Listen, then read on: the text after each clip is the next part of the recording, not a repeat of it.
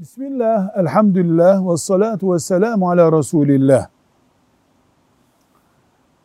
Müslüman bir erkeğin kıyafetinin şu renk olması gerekir diye bir emir yoktur.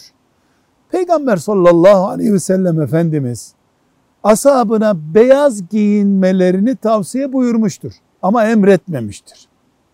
Sadece kıpkırmızı, kızıl renkten oluşan, baştan sona böyle oluşan bir kıyafeti bazı alimler mekruh görmüşlerdir. Ama giyilmez dememişlerdir. Yani Müslüman kıpkırmızı baştan aşağı gömleğinden, pantolonundan, ceketine kadar böyle bir kıyafet giymesin demişlerdir. Hadis-i şeriflerde buna işaretler var bundan dolayı. Ama bunun haricinde Müslüman erkek hangi kıyafet ona yakışıyorsa, hangisi hoşuna gidiyorsa, hangisini iyi bulduysa giyer.